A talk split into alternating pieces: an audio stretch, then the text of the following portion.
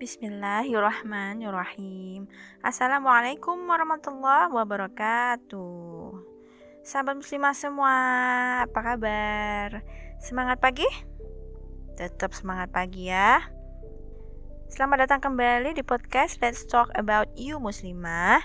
Masih bersama saya di sini yang setia menemani sahabat muslimah dengan obrolan ringan seputar Islam. Hari ini adalah hari ke-19 masih dari tantangan 30 hari bersuara bersama at thepodcasters.id dengan tema tradisi. Apa aja contoh dari tradisi yang ada di Indonesia ini? E, gimana kalau tradisi dilihat dari sudut pandang Islam? Terus gimana sikap kita sebagai muslimah? Oke, kita langsung aja So let's start talking about you. Yes, you muslimah. Sahabat muslimah, nggak diraguin lagi kan betapa banyaknya tradisi yang ada di negeri kita tercinta ini. Sebutlah misalkan rebo pungkasan, sedekah ketupat dan nirop dari tanah Jawa. Atau mandi balimau dari Sumatera Barat dan Melayu. Atau melakukan tumbal dan sesajen sampai ke bangle, peniti, gunting yang dibawa sama ibu hamil. Nah, menurut KBBI, tradisi ada dua definisi. Yang pertama, adat kebiasaan turun-temurun dari nenek moyang yang masih dijalankan dalam masyarakat.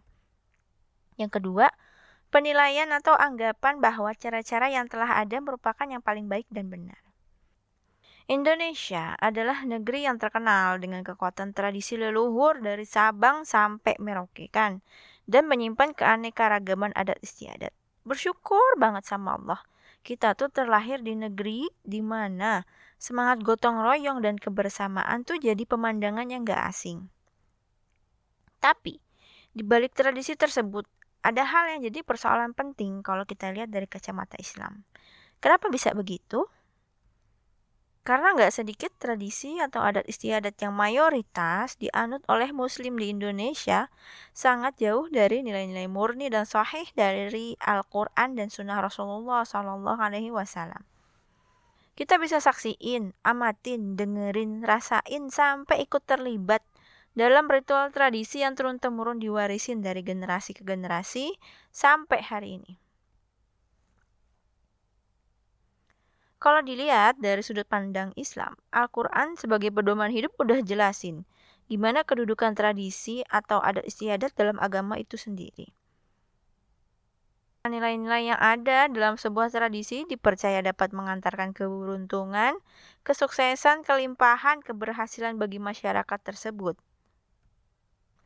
Tapi eksistensi adat istiadat tersebut juga nggak sedikit menimbulkan polemik jika ditinjau dari kacamata Islam. Misalnya nih, tradisi turun laut dengan membawa beberapa sajian makanan dipercaya dapat membawa keberuntungan bagi para nelayan yang baru punya perahu, biar nanti nggak terjadi malapetaka. Gimana Islam memandang keyakinan dan ritual tersebut? Nah, Islam sebagai agama yang syariatnya telah sempurna berfungsi untuk mengatur segenap makhluk hidup yang ada di bumi yang senantiasa bawa hal-hal yang manfaatnya murni atau lebih banyak kebaikan dibanding kerugiannya. Setiap aturan, anjuran, atau perintah akan memberi dampak positif, dan setiap larangan yang dikasih akan membawa keberuntungan bagi hidup manusia kalau ditaati. Salah satu larangan yang akan membawa maslahat bagi manusia adalah menjauhkan diri dari kebiasaan-kebiasaan nenek moyang terdahulu yang bertentangan dengan ajaran Islam sebagaimana yang Allah firmankan dalam Quran surat Al-Baqarah ayat 170 yang artinya dan apabila dikatakan kepada mereka ikutlah apa yang telah diturunkan Allah mereka menjawab tidak. Kami mengikuti apa yang kami dapati pada nenek moyang kami melakukannya. Padahal nenek moyang mereka itu tidak mengetahui apa pun dan tidak mendapat petunjuk. Begitu juga dalam Quran surat Al-Maidah ayat 208 Kedua ayat tersebut menjelaskan tentang orang-orang yang lebih patuh pada ajaran dan perintah nenek moyangnya daripada syariat yang diwahyukan oleh Allah dalam Al-Quran. Seperti adanya kepercayaan-kepercayaan tertentu ya, pada ritual yang menjanjikan keselamatan, ketenangan hidup, penolak bala, yang jadi salah satu tradisi masyarakat Indonesia di berbagai daerah. Terus gimana sikap kita sebagai muslimah? Syariat hadir bukan berusaha menghapuskan tradisi atau adat istiadat. Islam menyaring tradisi tersebut biar setiap nilai-nilai yang dianut dan dilakukan oleh masyarakat setempat tuh nggak bertolak belakang dengan syariat. Sebab tradisi yang dilakukan oleh setiap suku bangsa yang notabene agamanya Islam nggak boleh menyelisihi syariat. Karena kedudukan akal nggak akan pernah lebih utama dibanding wahyu Allah. Ya kan? Inilah pemahaman yang penting yang harus dimiliki oleh setiap muslim.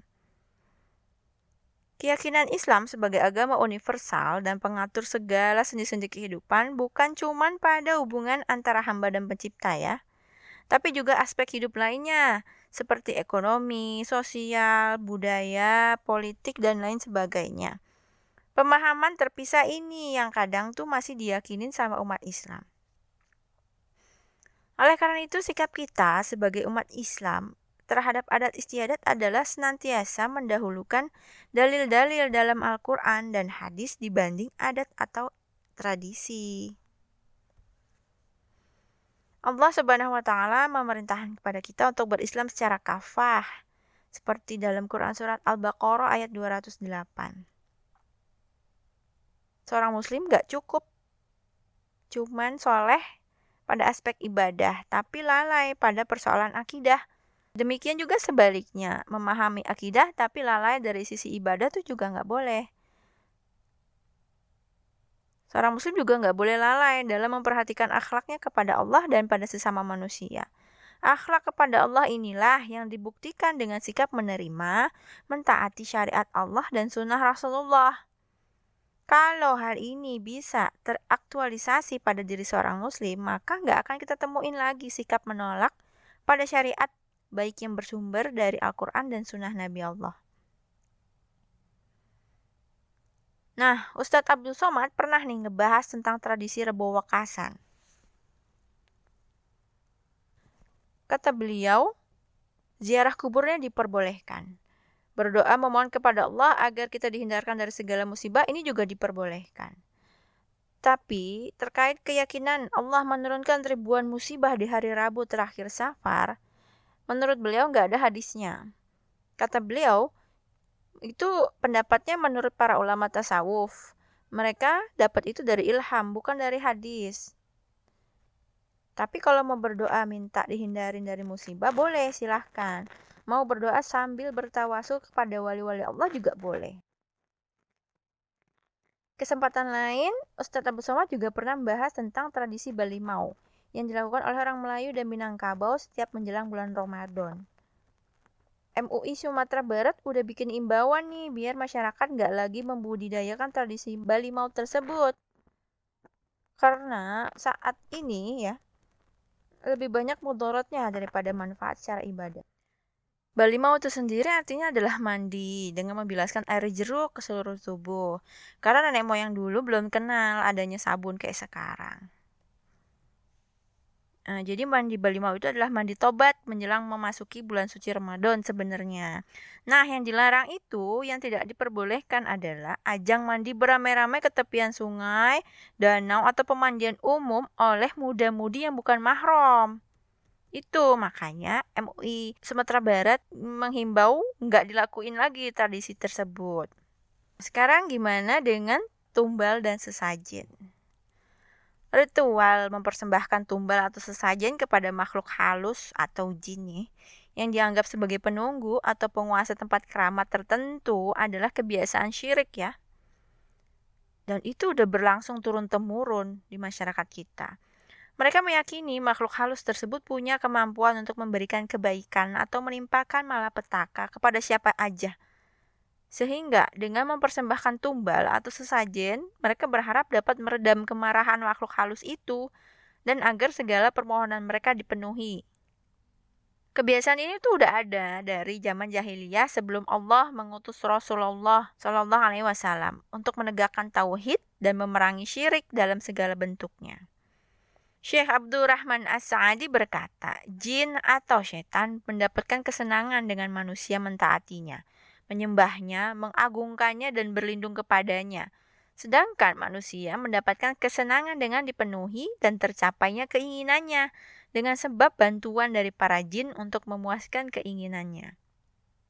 Maka orang yang menghambakan diri pada jin sebagai imbalannya, jin tersebut akan membantunya dalam memenuhi kebutuhan-kebutuhannya. Dalam Quran surat Al-An'am ayat 162 sampai 163 dan Al-Kautsar ayat 2 keduanya menunjukkan betapa agungnya keutamaan ibadah sholat dan berkorban. Karena melakukan dua ibadah ini merupakan bukti kecintaan kepada Allah dan pemurnian agama bagi Allah semata. Serta pendekatan diri kepada Allah dengan hati, lisan, dan anggota badan kita.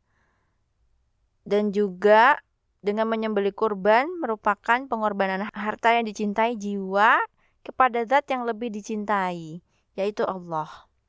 Karena itulah, mempersembahkan ibadah ini kepada selain Allah, baik itu jin, makhluk halus, ataupun manusia, dengan tujuan untuk mengagungkan dan mendekatkan diri kepada mereka. Yang dikenal dengan istilah tumbal atau sesajen ini adalah perbuatan dosa yang sangat besar bahkan merupakan perbuatan syirik besar yang bisa menyebabkan pelakunya keluar dari agama Islam. Ada ancaman besar nih bagi orang yang menyembelih atau berkurban untuk selain Allah. Dilaknat Allah Subhanahu wa taala dan dijauhkan dari rahmat Allah. Dalam Quran surat An-Nisa ayat 48 Allah berfirman, Sesungguhnya Allah tidak akan mengampuni dosa syirik dan dia mengampuni segala dosa yang selain dari syirik itu bagi siapa yang dikehendakinya. Barang siapa yang mempersekutukan Allah, maka sungguh dia telah berbuat dosa yang besar. Begitu juga dengan tradisi yang dilakukan sama ibu hamil nih. Yang bawa-bawa peniti, gunting kecil, bangle, itu semua termasuk jimat ya. Jimat atau tamimah pada masa jahiliyah adalah sesuatu yang dikalungkan pada anak kecil atau binatang dengan maksud untuk menolak angin. Tapi hakikat jimat terbatas pada bentuk dan kasus tertentu, tapi mencakup semua benda dari bahan apa pun dan bagaimanapun cara pakainya. Ada yang terbuat dari bahan kain, benang, kerang, maupun tulang yang dipakai dengan cara dikalungin, digantung, dan sebagainya. Tempatnya pun bervariasi, bisa di mobil, di rumah, di leher, di kaki, dan lain-lain. Contohnya kalung, batu akik, cincin, ikat pinggang, raja. Raja itu tulisan Arab yang ditulis per huruf dan kadang ditulis terbalik ya. Selendang, keris, atau benda-benda yang digantung pada tempat-tempat tertentu. Atau ditulis di kertas, dibakar terus diminum, dan lain-lain lah pokoknya dengan maksud untuk menolak bahaya. Dari sisi medis, benda-benda jimat itu nggak punya efek sama sekali bagi kesehatan dan keselamatan ibu hamil maupun janinnya. Kalau ibu hamil dan bayinya mau sehat, pastinya harus makan makanan bergizi. Nggak boleh capek dan stres. Kalau ibu hamil mau bayinya dilindungi dari makhluk yang ingin berbuat jahat, deketin diri ke Allah dengan perbanyak ibadah. Jangan sampai bikin anak kita dan diri kita sendiri dimurkai oleh Allah. Karena dalam Islam, percaya pada jimat adalah perbuatan syirik.